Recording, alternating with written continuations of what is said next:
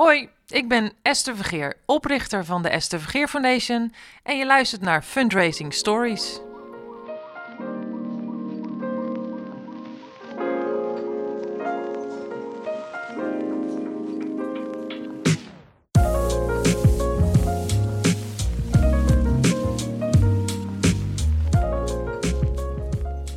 Hallo, dit is Petra Hoogwerf met de podcast van het vakblad Fondsenwerving.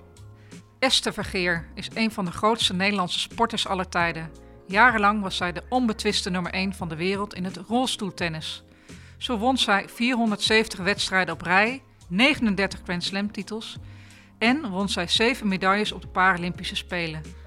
15 jaar geleden richtte zij de Esther Vergeer Foundation op. Zij wil wat zij heeft meegemaakt ook andere mensen laten meemaken. Vandaag praat ik met haar over haar foundation, de financiering van de foundation en ben ik geïnteresseerd hoe ze haar sportcarrière ten dienste heeft gezet aan deze maatschappelijke droom.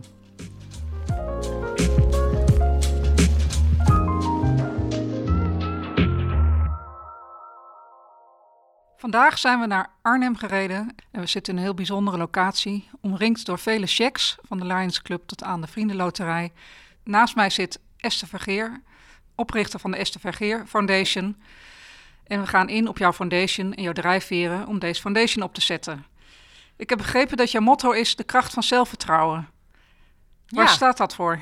Nou, ehm, eigenlijk de- met name omdat ik geloof in de kracht van sport. En ik denk, alle activiteiten die ik op dit moment doe in mijn leven hebben wel iets met sport te maken. en Waaronder dus ook deze foundation. En ehm, ik heb zelf ervaren wat sport dus met je kan doen, met mij heeft gedaan. En dat ik mede door sport ehm, ja, zelfvertrouwen heb gekregen. Weer in, in mijn eigen lichaam, in mijn kunnen, eh, in mijn mentale vaardigheden, eh, wie ik ben, wat ik kan. En ik denk dat doordat ik dus dat zelfvertrouwen heb, ehm, sta ik nu waar ik sta in de maatschappij. En ik, daar geloof ik dus in. Dus die kracht van zelfvertrouwen, die kracht van sport, die is zo essentieel voor iedereen, maar zeker voor kinderen. Ehm, ja, dat is mijn motto, maar dat is dus ook het motto van de foundation. Ja. En de, eh, iedereen kent je natuurlijk van, van jouw vele prijzen eh, en, en je enorme talent eh, voor rolstoeltennis.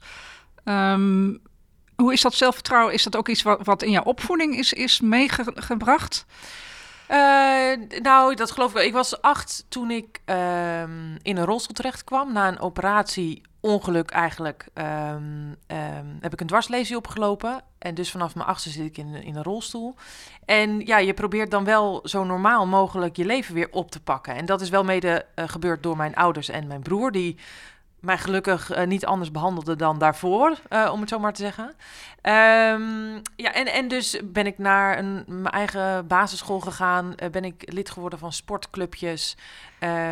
Ja, en ik denk dat op die manier wij inderdaad het leven zo normaal mogelijk probeerden te leven en onderdeel te zijn van, ja, eh, ehm, zeg maar waar je normaal gesproken ook onderdeel van zou willen zijn. En zoals iedereen onderdeel ergens bij wil horen, onderdeel wil zijn van iets. Ja. Ehm, ja, en ik denk dat dat bij mij dus zeker ook is gebeurd. En dan mede door de mensen om me heen. Ja. En jij kon ook, eh, ook in een gewone tennisclub gaan sporten toen. Ja, ik heb ehm, in eerste instantie na het revalidatiecentrum ben ik gaan tennissen bij een clubje wat speciaal was opgericht voor mensen met een handicap en dan alle leeftijden door elkaar. Eh, dat was in Nieuwegein en ik woon dan in Woerden. Dus dat was wel eventjes eh, nou, 20, eh, Ja. 30 minuten rijden.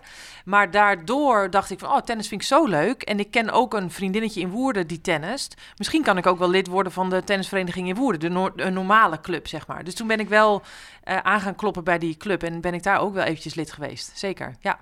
Want, want eh, het normaal willen sporten, dat is eigenlijk ook de kern van de foundation, hè? Ja, nou ja, ik, Join the club noemen jullie dat. Ja, join de club. Jo- Join, dus word lid van een normale sportclub. eh, omdat wij eigenlijk ervoor staan dat je ja, niet iedere keer in een apart zaaltje of in een aparte, eh, op een apart sportveld of op aparte tijden ehm, zou moeten sporten, maar gewoon ja, bij de club. Ja. Eh, en ook meedoen met de clubactiviteiten en eh, met weet ik veel, het oliebollentoernooi of het, het kamp of b- bardienst draaien als je daar oud genoeg voor bent. Weet je, je moet normaal of moet, maar dat, dat is goed voor je. En dat is goed voor je voor jezelf uh, als kind of persoon met een handicap, denk ik. Maar het is ook goed voor die club. Dat dus uh, ja, mensen zonder handicap uh, ook in aanraking komen met mensen met een handicap. En dat ze zien dat het echt oké is uh, om het allemaal tegelijkertijd en met elkaar te doen. Ja. Dus de, in feite zijn de ideeën die jij nu hebt voor de foundation hebt al ontstaan in het begin van je eigen tenniscarrière? Ja, toen zeker nog niet zo bewust. Ehm, maar als ik daar nu achteraf aan terugdenk, um, ja, staan die waarden gewoon enorm hoog bij mij. Uh, en en um, ja, realiseer ik me nu dat ik me toen realiseerde dat ik, ik wil niet anders zijn dan anderen. Ja. En ik wil gewoon dingen doen die ook mijn vriendinnen doen.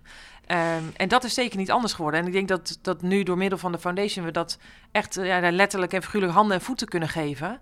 Um, en dus ook van betekenis kunnen zijn voor nu op dit moment kinderen met een, uh, met een handicap en hun families. Want de, ik, we slaan even je ten, tenniscarrière nu even over, want we beginnen gewoon bij de foundation in dit gesprek.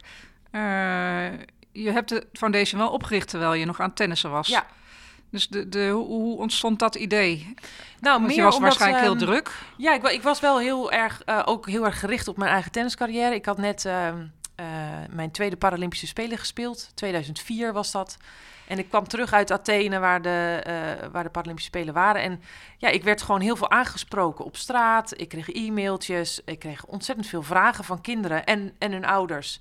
Van, goh Esther, wauw, te gek, gefeliciteerd met je medaille. Um, wij zouden ook zo graag willen sporten, maar waar kan dat dan? En hoe werkt dat dan? En waar, waar, moeten we zijn? En uh, weet de trainer dan wel wat hij moet doen? En hoe komen we aan een sportrolstoel? En uh, nou, ja, al dat soort vragen. En toen dacht ik, jeetje, we zitten in 2004. Veel praktische vragen ook, Heel hè? veel ja. praktische vragen. Um, en wat zonde dat dat soort dingen dus leven. En dat soort dingen dus ook belemmeringen zijn voor mensen om niet te gaan sporten. Want ja, je zal maar al die drempels tegenkomen. Dan denk je al heel snel, nou, laat maar. Ik heb wat anders te doen, of ik snap het niet meer, of ik weet het niet meer, ik durf niet. Laat maar. Dus toen dacht ik, ja, nou, dat betekent dus dat heel veel kinderen niet sporten, omdat ze het gewoon niet weten. Toen dacht ik, nou, misschien kan ik daar wat aan doen. Ja, ik heb dan dus nu net een medaille. Misschien vinden mensen het leuk om samen met mij te tennissen. Misschien kan ik ze wel op weg helpen. En zo is eigenlijk die stichting dus een beetje ontstaan. En um, ook met in mijn achterhoofd, ik kan niet dag in dag uit hiermee bezig zijn, want ik heb mijn eigen ten tenniscarrière nog om uh, ja, genoeg tijd in te investeren. Um, maar goed, we beginnen maar waar we kunnen beginnen. Dus we zijn uiteindelijk met ja, twee kliniekjes per jaar begonnen. Op toernooien waar ik dan toch al was, uh, deed ik dan een clinic voor kinderen die het heel graag zouden willen leren. En zo zijn we een beetje begonnen. Ja, heel kneuterig. En, uh, maar daar geloof ik wel in. Weet je, handen uit de mouwen. En we ja. kijken wel waar we, waar we terechtkomen. Ja. ja. Volgens mij is dat jouw tweede motto ook. Je, je komt heel resultaatgericht ook over. Ja. En, ja, en, en no nonsense. Nee, nee, no nonsense inderdaad. Gewoon met de laarzen uh, in, de, in de modder. En dan maar gaan. En ook wel gewoon uitproberen. Uh, als het niet lukt, dan lukt het niet. Maar ja, wie weet helpt het. Zo. Um, en dat vind ik ook wel mooi. En ik denk ook dat dat onze kracht uiteindelijk nu ook is. Dat we zo ongelooflijk veel persoonlijk contact hebben met alle kinderen en ouders. En nou eigenlijk alle stakeholders die we hebben. Um, dus ja, wij, wij, wij bereiken geen miljoenen publiek. Uh, dat is dus echt niet wa, wa, nou ja, um, waar we goed in zijn. Maar juist dat, dat hele persoonlijke, dat kleine, dat echte, dat één op één. Dat is ja, wat ik heel mooi vind. En, en waar onze kracht dan dus ook daadwerkelijk ligt. Ja. En, en om hoeveel kinderen gaat het? Uh, zijn er cijfers van bekend? Ja, dat blijft echt. Dat is een van de ja, hoe zeg je dat, struggles die wij hebben als we echt ja, de cijfers willen weten van hoeveel mensen met een handicap zijn er nu, hoeveel daarvan zijn kinderen uh, met een handicap en hoeveel van die kinderen met een handicap zouden in aanmerking komen om te gaan sporten. En dat is heel lastig, omdat nou lang niet alle mensen met een handicap zijn geregistreerd. Dus dat is al uh, drempel 1. En dan als ze geregistreerd zijn, um, uh, ja, wie daarvan uh, is zeg maar in onze doelgroep qua leeftijd en qua lichamelijke handicap. Dus ook al lastig. Want soms zijn ze gewoon te zwaar gehandicapt. Of soms zijn ze heel licht gehandicapt en voelen ze zich niet gehandicapt. En ja. willen ze dan ook niet in het hokje, hè, als we dan over hokjes mogen spreken. Willen ze er niet bij horen. Dus het is heel, heel lastig. Ja, wij richten ons een beetje op um, uh, nou, dat wij uiteindelijk 500 kinderen willen hebben die um, op rolstoeltennis gaan um, zitten, zeg maar, op, uh, op, uh, bij Join the Club. Maar dat is misschien al best wel een grote groep. Daar komen we nu achter, ja. Oh, je denkt dat het een grote groep is al? Want ik dacht, begreep een beetje dat het om zo'n 25.000 kinderen zal gaan. Maar ik begrijp dat dat cijfer sowieso een beetje ter discussie nee, staat. Als je het hebt over die 25.000, dan zijn dat de kinderen die zouden kunnen gaan sporten. Ja? Maar dan heb je natuurlijk heel veel sporten die de kinderen kunnen gaan doen. Oh ja, dus niet iedereen wil tennis, Precies. begrijp ik. Ja. Ik, ik snap dat niet natuurlijk. Nee, Nee, een grapje. Maar ehm, nee, ik snap heel goed dat niet alle kinderen tennis leuk vinden. Ehm, en dus er zijn andere sporten. En dat is ook wel waar wij nu een beetje naar aan het kijken zijn. Van hoe kunnen we de andere sporten ook helpen om eh, meer ja, toevoer eh, en, en nieuwe toestroom van kinderen te genereren. Ehm, want uiteindelijk gaat het om, ons om dat we ieder kind met een lichamelijk handicap in ieder geval de kans willen geven om te sporten. Ehm, en dus uit te kunnen proberen wat ze nou leuk vinden. En of dat nu basketbal is, of atletiek, of zwemmen, of judo. Of weet je, dat zou dan in principe niet uit moeten maken. En ehm, wij hebben nu met tennis en de tennisverenigingen in Nederland hebben wij zo'n ehm, ja, 30 verenigingen aan ons gekoppeld. En wij denken dat dat wel een goede landelijke dekking is. Dus dat het ehm, ja, zo op die manier verdeeld is dat kinderen niet te lang hoeven reizen eh, om naar een club te gaan. Ehm, maar tegelijkertijd ook net een goede spreiding dat er wel clubjes ontstaan of groepjes kinderen, zodat ze wel met elkaar kunnen tennissen ook. Ja. Dus eh, die, die 30, dat is wel zo'n beetje waar we, waar, we, waar we op ons willen focussen. En dus is nu de vraag, nou, kunnen we andere sporten ook helpen om eh, die structuur op te zetten of eh, kinderen door te verwijzen naar een andere sport? Ja. Maar, eh, maar wat ik begrijp is dat eigenlijk jouw droom is dat kinderen met een handicap, eh, dat zeg je ook altijd mooi, hè, van je, je bent niet gehandicapt, maar je hebt een handicap. Ja. Eh, dat kinderen met een handicap v- voor de sport kunnen kiezen eigenlijk die ze zouden willen. Ja. En wat de foundation doet, is het vooral ook ondersteunen met vervoer, kennis Ja. en dat soort zaken. Ja, dus het faciliteren. Dus wij, de, alle vragen die die kinderen of gezinnen hebben, die willen we dan beantwoorden, maar misschien ook wel wegnemen. Hè? Dus een sportrolstoel faciliteren, zodat ze niet meteen een sportrolstoel aan hoeven schaffen, maar dat ze het eerst kunnen proberen. En daarna, als ze de keuze voor een sport hebben gemaakt, dan pas een stoel aanschaffen. Of eh, verenigingen helpen om eh, nou, drempelloos zeg maar, hun clubhuis te kunnen eh, bouwen.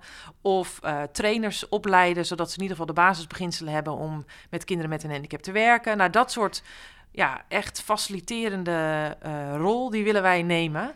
Ehm, en daarbij dus ook ja, het- kind aan de hand nemen om kennis te maken met de trainer. Dat, dat, ze, ja, dat zij een warm, warm bad om zich heen voelen. ehm, zodat ze zich heel erg comfortabel voelen op die vereniging, eigenlijk eh, vanaf de start al. Ja.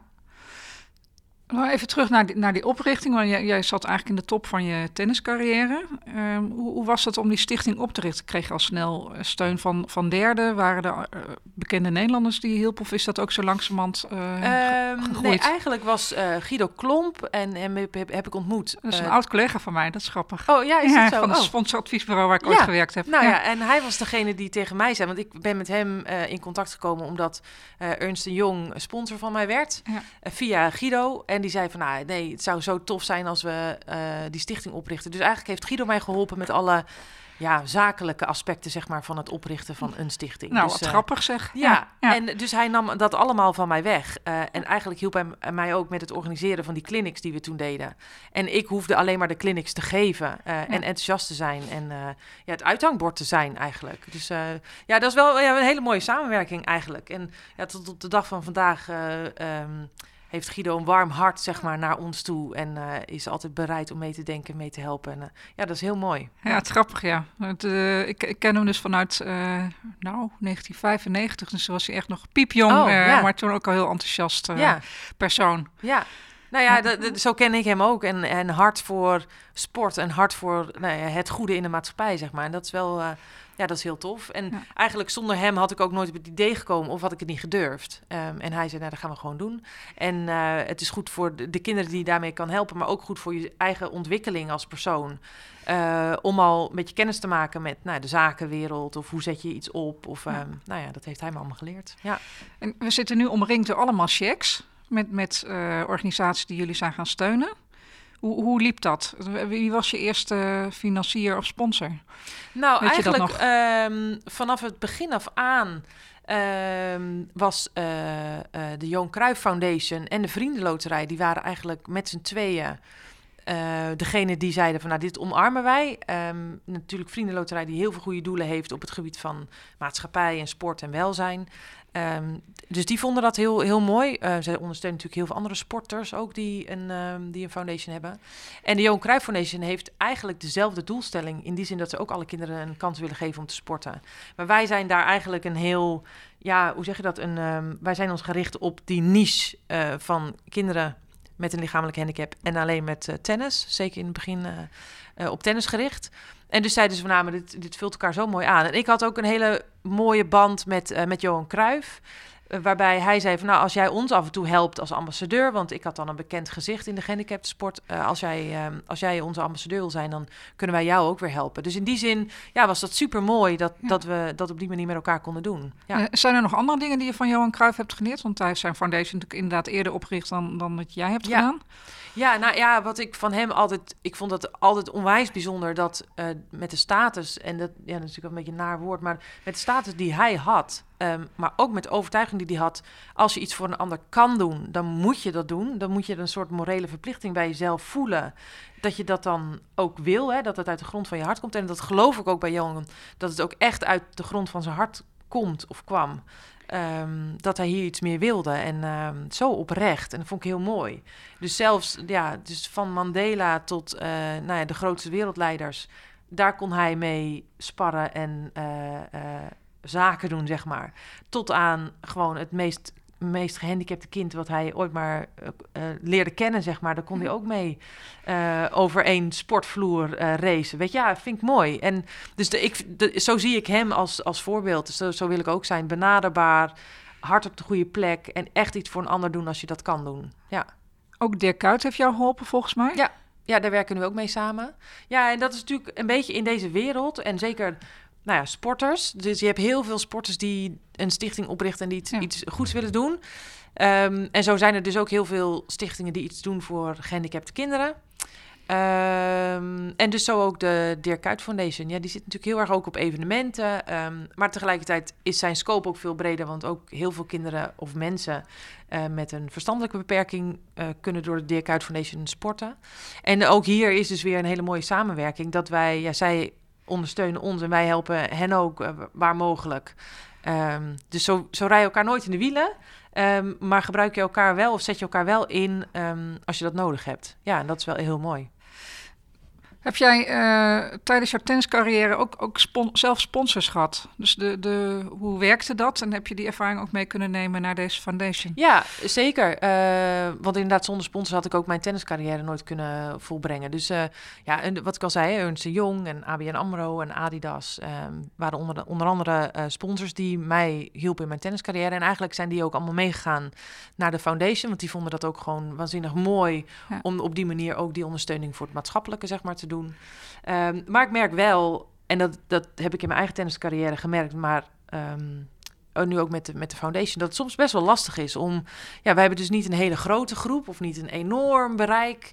Um, de, ja, de zichtbaarheid is misschien niet altijd en niet op uh, iedere tv of uh, niet op iedere tennisvereniging of niet op iedere sportvereniging te zien. Um, dus dat maakt het soms best wel eens lastig om ja, uh, een bedrijf ervan te kunnen overtuigen uh, wat het dan waard is. Um, en nogmaals, ik geloof erin. Uh, juist die niche vind ik juist heel krachtig. En dat we juist zo klein, um, klein zijn misschien wel. Uh, maar dat maakt het soms lastig voor bedrijven om... Ja, voor hen zelf om te ja, verklaren, zeg maar, of te verantwoorden uh, waarom zij ons zouden steunen. Of mij als persoon toen ik nog tenniste. Dus dat was lastig, maar ja, ik, ik wil helemaal niet klagen, want ik heb wel in die zin denk ik dat ik een van de weinigen ben die. Ik heb, ik heb zeg maar tennis gedaan als beroep. Ik heb er mijn beroep van kunnen maken.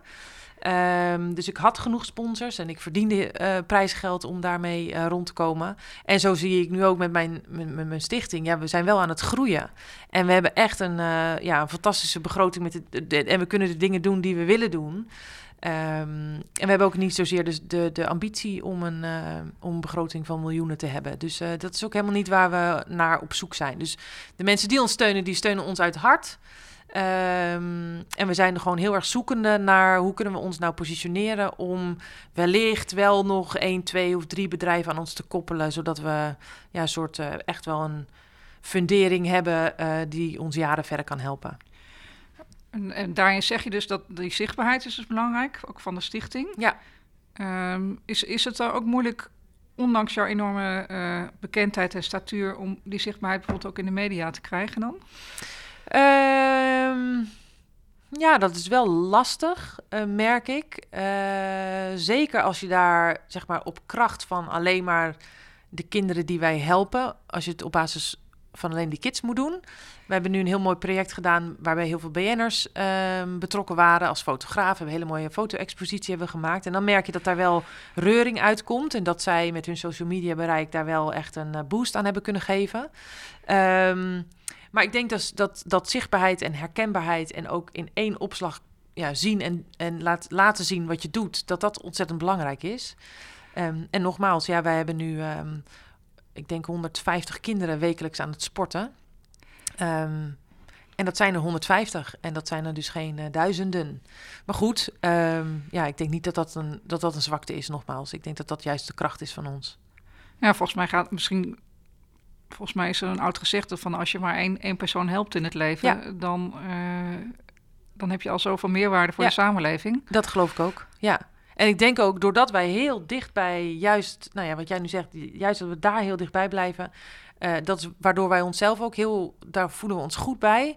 Wij zien dus één op één dat resultaat, wij hebben dat contact en dat, ja, daar geloven wij gewoon in. Dus dat is ook waar we, waar we bij blijven. Dus het is ook niet dat we ja, dus een andere strategie gaan toepassen om dan maar eventueel meer sponsors binnen te halen of zo. Want dat is niet wat we, hoe we willen werken. Maar jullie richten je wel vooral op sponsors en fondsen? Of jullie, zijn jullie ook bijvoorbeeld bezig met een donateursbestand op te gaan bouwen? Nee, wij, we, nou ja, die, die donateurs...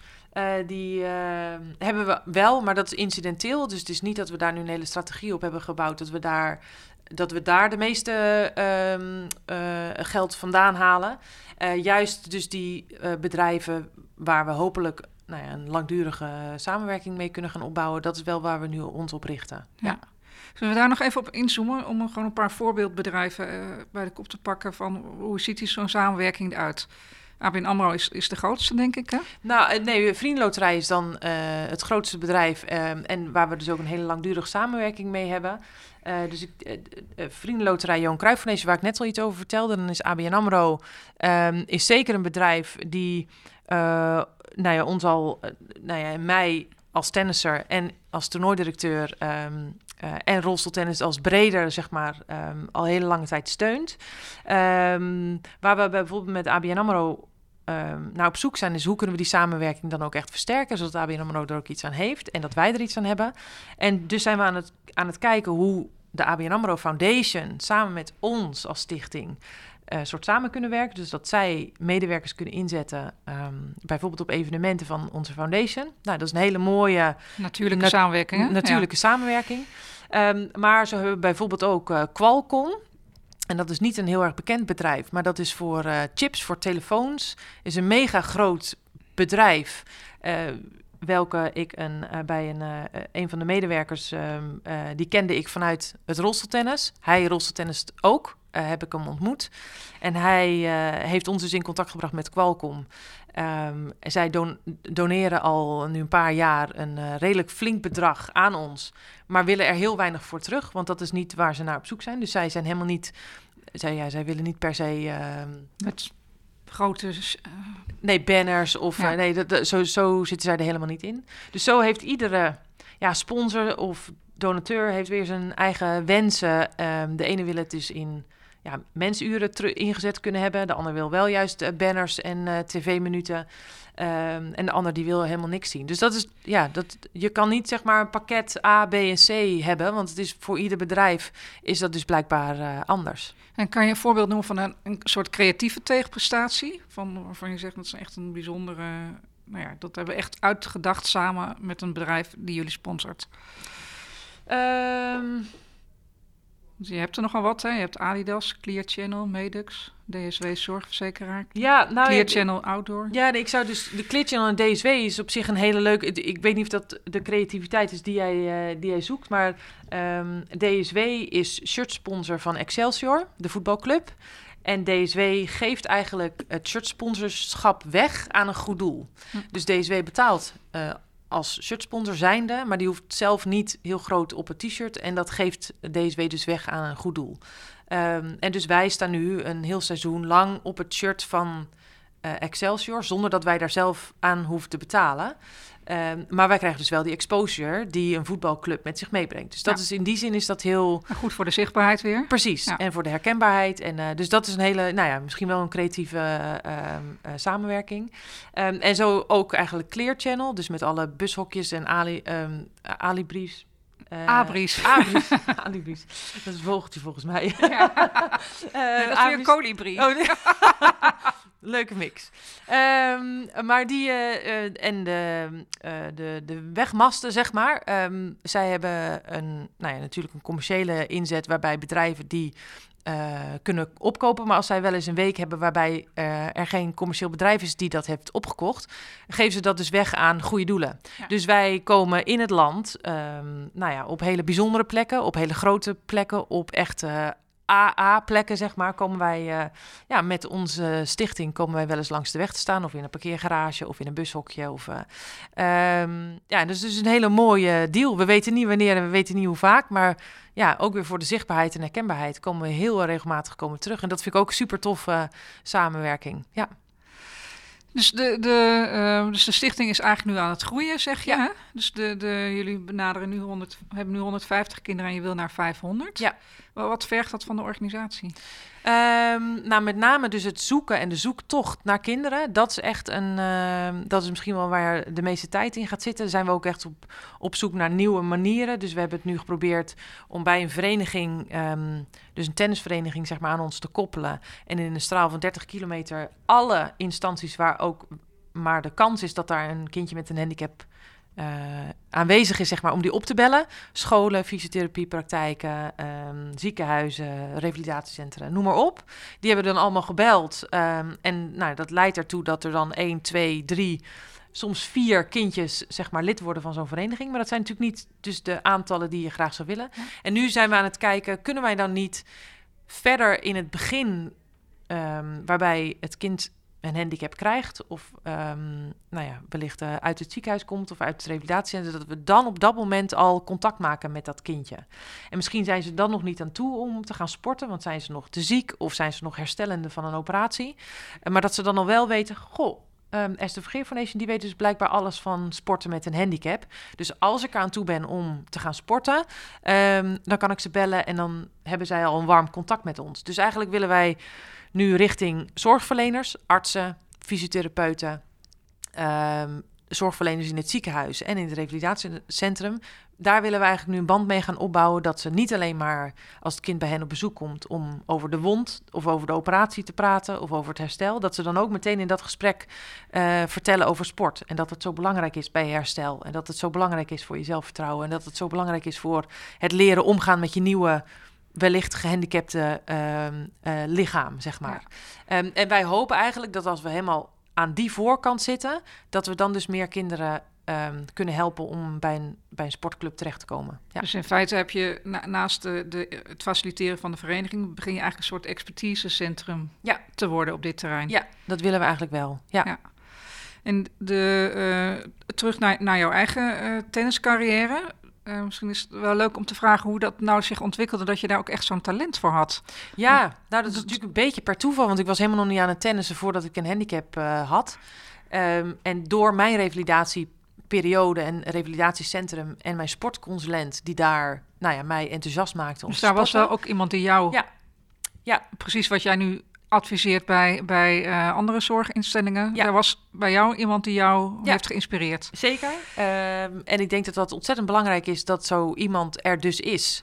Ehm, want die kan, en als je daar namelijk een, ja, een band mee opbouwt en jij vertrouwt diegene en die kan jou verder ja, introduceren bij eh, nou ja, eh, verenigingen bij jou in de buurt, ehm, dan is de kans groot dat je daar dus ook naar luistert en dat je dat prettig vindt, eh, omdat het zo vertrouwd voelt. Dus dat was in mijn geval ook zo. En die, die mevrouw Els Duin uit eh, de Hoogstraat, het revalidatiecentrum in Utrecht, ehm, die richtte dus dat clubje op in, in Nieuwegein om te gaan tennissen. Dus zo ben ik gaan tennissen. En ik vond het gewoon leuk, want ja, als je net een handicap hebt, dan word je heel erg geconfronteerd met alles wat je niet meer kan, of wat Ja. moeilijker gaat, of waar je langzamer in bent. Of, eh, en dan is het super fijn om, om een, een sport te hebben of een activiteit te hebben waar je dus blijkbaar goed bent. Of dat je het leuk vindt, waar je energie in kwijt kan. En dat je dat samen kan doen met andere kinderen met een handicap. En dus zo bij mij ja, is dat een beetje bij mij eh, gaan rollen. Ja. Want letterlijk gaan rollen ja, letterlijk, ja, inderdaad. Want de, de, ja, als ik dan naar dat rolstoeltennis kijk, dan denk ik, het is eigenlijk een soort combinatie van tennis en Formule 1. Want je moet ook nog... Ja. ja, het is best een lastige sport. Eh, Ja. Zeker, het is eh, ja, voor kinderen ook wel eh, best ingewikkeld. Want je moet ook een tennisracket vasthouden en je moet je rolstoel goed bewegen. En dan moet je dus ook nog slaan. Eh, dus de hand-oogcoördinatie is ook best wel lastig. Ehm, ja, dus het is een hele dynamische sport. Maar tegelijkertijd een van de weinige sporten die je als rolstoeler kan doen met iemand die loopt. En dat vind ik dus ook zo tof aan tennis. Je kan het gewoon doen met je broertje, of je zusje, of je vader, of je moeder op de camping, bij jou op de sportvereniging. En Dus je kan, dit, dit is zo toegankelijk en leuk te integreren in jouw normale leven. Ehm, dat het, nou ja, dat is een van de. En het is een hele leuke verenigingssport. Dus als je bij de vereniging bent en eh, ja, er worden allerlei activiteiten, sociale activiteiten georganiseerd op die club, kan je ook gewoon meedoen. Dus dat, dat vind ik het bijzondere van tennis. Ja. En, en je ging op een gegeven moment meedoen aan toernooien. Ja. Eh, en hoe, hoe kwam je dan uiteindelijk... Want volgens mij was dat het moment dat je in de US Open eh, ontdekt van... ik heb er echt talent voor. Ja, en dat, daar zit natuurlijk best wel een aantal jaar tussen. Maar ik, ik, ik schreef me in voor een toernooitje in Nederland. En daar liep de bondscoach ook rond. Ik, ik had geen idee. En ik was ook helemaal niet erop Ja. uit of zo... dat iemand mij ging eh, bekijken of scouten of zo. Maar dat was wel... ehm, ja, die bondscoach liep daar rond. Die zag mij en die zag gewoon een heel enthousiast... leergierig jong meisje... met wel ja, eh, goede oog-handcoördinatie. En dus die kwam naar mij en mijn ouders toe... en die zei... Goh, nou ja... Hm, best wel interessant. Eh, vind je het leuk om een keer mee te komen doen met een training in Amsterdam? Dus nou ja, Why not? Ja, why not? Zo Ja. een beetje. En dus toen eh, ben ik mee gaan doen. En eigenlijk, ja, zodoende is dat dus een beetje gaan ontstaan. Dat ik één keer in de week meedeed. En toen is twee keer in de week. En ja, toen mocht ik een keer meedoen met de jeugd ehm, bondstraining. Nou ja, oké, laten we het maar proberen. Weet je, zo. Ja, en, en eh, ja, als je natuurlijk meer oefent en steeds vaker traint. ehm, en ook mee mocht doen met de nationale selectie. En je komt tegen betere te staan, word je zelf ook beter. Dus oh ja, op die manier is dat gaan groeien. Ja. En is, is die, die eh, wereld eh, ook een commerciële wereld? Zoals de tenniswereld. Li- Lijken die op elkaar? De roze Ehm, tenniswereld en met de nou, Grand Slams. Ja, en de- tegenwoordig is dat wel wat, wat steeds meer, zeg maar, ehm, ja, commerciëler wordt. Of er gaat steeds meer geld in om. Dus eh, in die zin is de gehandicapte sport over het algemeen professioneler geworden. Hè? Dus als je bij de nationale selectie zit, welke sport dan ook, dan is dat gewoon een fulltime programma. Dus je moet daar, ja, eh, vijf tot zeven dagen in de week ben je daarmee bezig. Eh, twee keer per dag train je ehm, en heb je dus ook ja, voeding, en mentale training. Je komt allemaal bij kijken.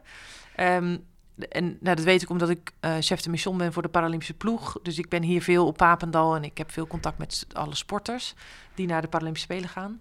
Dus dat is echt wel eh, eh, geprofessionaliseerd en dus wat ik zeg fulltime. Ehm, en tennis is een van de weinige gehandicapte sporten, denk ik, waar heel veel geld ondertussen in omgaat. Dus als je meedoet met Grand Slams, ehm, ja, dan win je gewoon eh, 30 tot 40.000 euro. Eh. Dus als je daar een paar van wint ehm, en je wint ook nog wat andere toernooien en je hebt wat prijsgeld, ja, dan kan je er dus gewoon een, eh, een goede boterham mee verdienen. Ja, En, en een team om je heen bouwen van Precies. trainers. En, Ja, ja. ja. En, de- en die 150 kinderen die, die jullie nu helpen, daar zitten misschien ook talenten tussen. Ja, die zitten er wel tussen. Ehm, we hebben bijvoorbeeld Lizzie is een van de meisjes die is begonnen bij eh, onze stichting en die zit nu in, in de nationale jeugdselectie. Ja, je, hebt geen idee of ze natuurlijk helemaal door gaat stromen naar een Paralympische ploeg of eh, naar Paralympische Spelen. Eh, dat, dat weet je nooit. Ehm, en dat is ook zeker niet de intentie die wij hebben als stichting. Dus bij ons gaat het helemaal niet over zoeken naar talent. Eh, maar het zou super tof zijn als daar een keertje één, twee of eh, weet ik veel eh, spelers uitkomen die gewoon het heel goed gaan doen natuurlijk. Ja. Want ik begreep ook dat, dat er drie ambassadeur weer zijn van de stichting. ja, we hebben Michael Scheffers, Diede de Groot en Ruben Spaargaren. Dat zijn eigenlijk allemaal spelers die nu internationaal spelen. Ehm, en ja, dat is fantastisch om hun aan onze stichting te hebben verbonden, zeg maar. Omdat zij natuurlijk gewoon een voorbeeld zijn voor, eh, ja, voor die kids.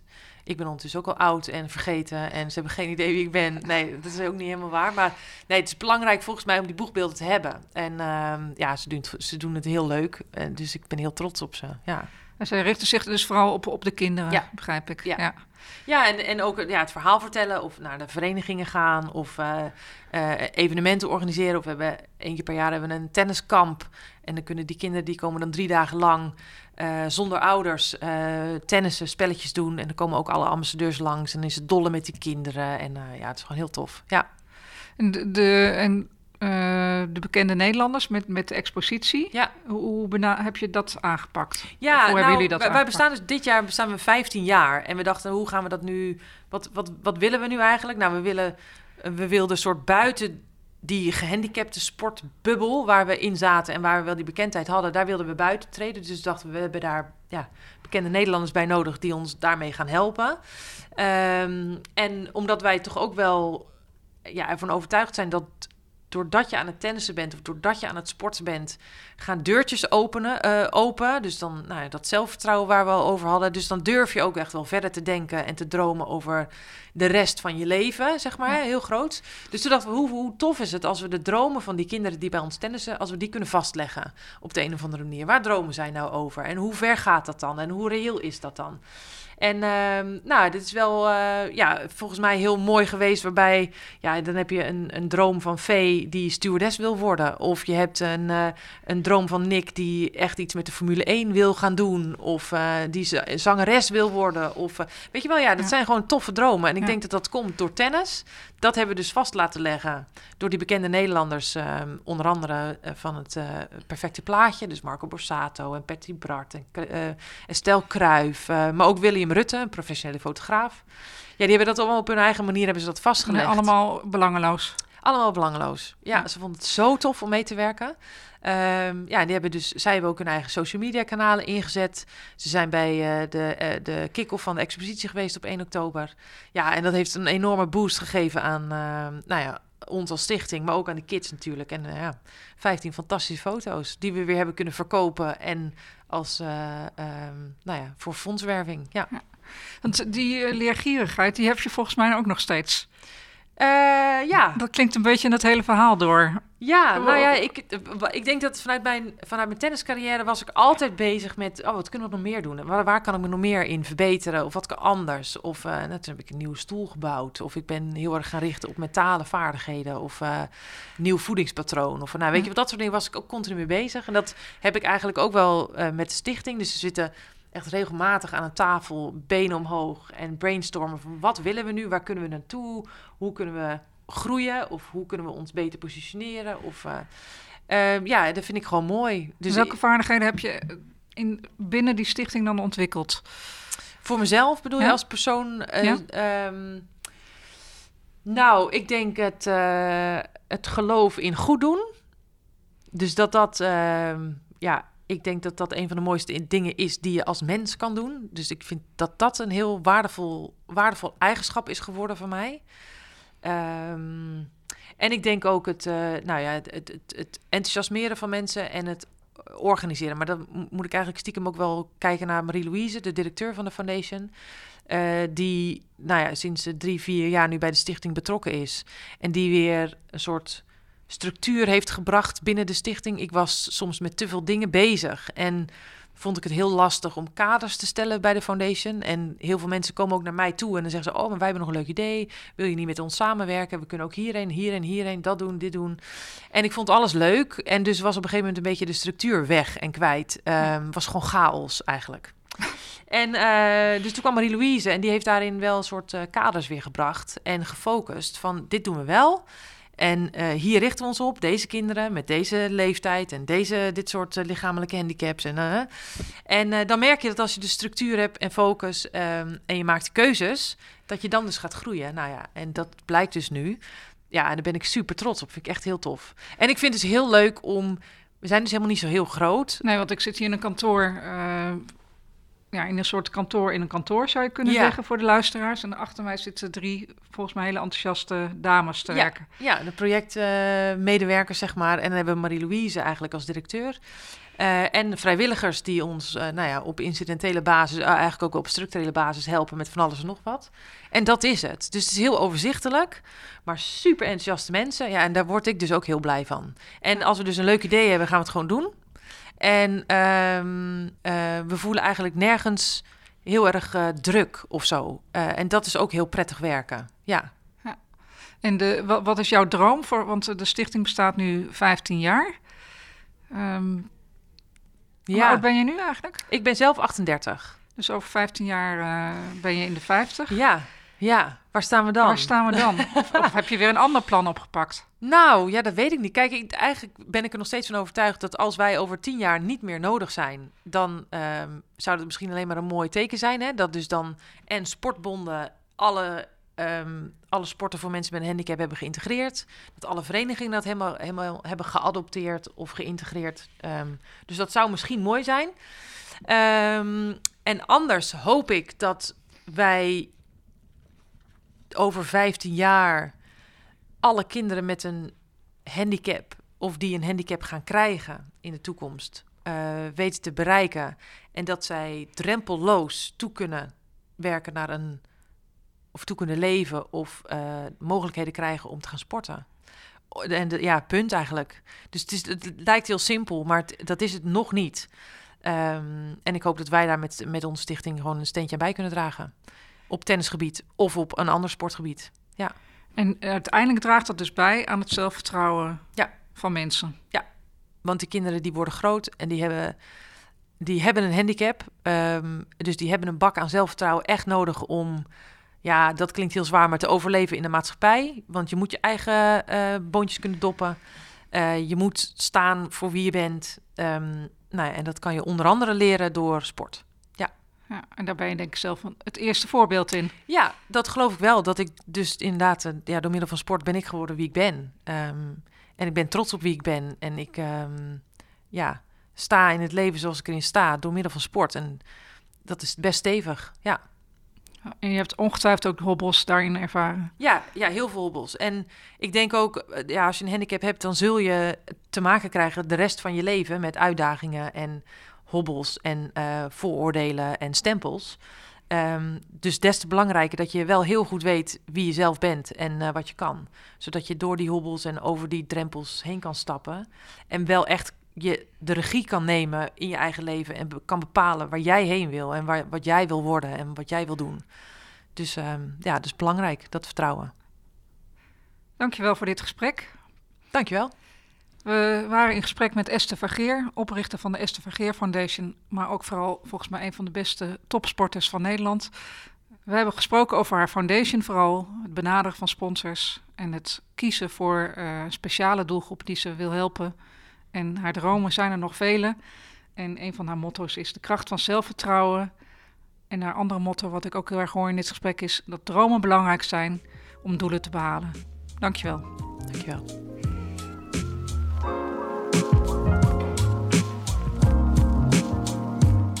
Leuk dat je luisterde naar Fundraising Stories van Vakblad Fondsenwerving in samenwerking met Verleda, geproduceerd door Marijn Thijs. Over twee weken verschijnt er een nieuwe aflevering uit deze serie. Abonneer je via je favoriete podcast-app en je krijgt automatisch bericht wanneer de nieuwste aflevering online verschijnt.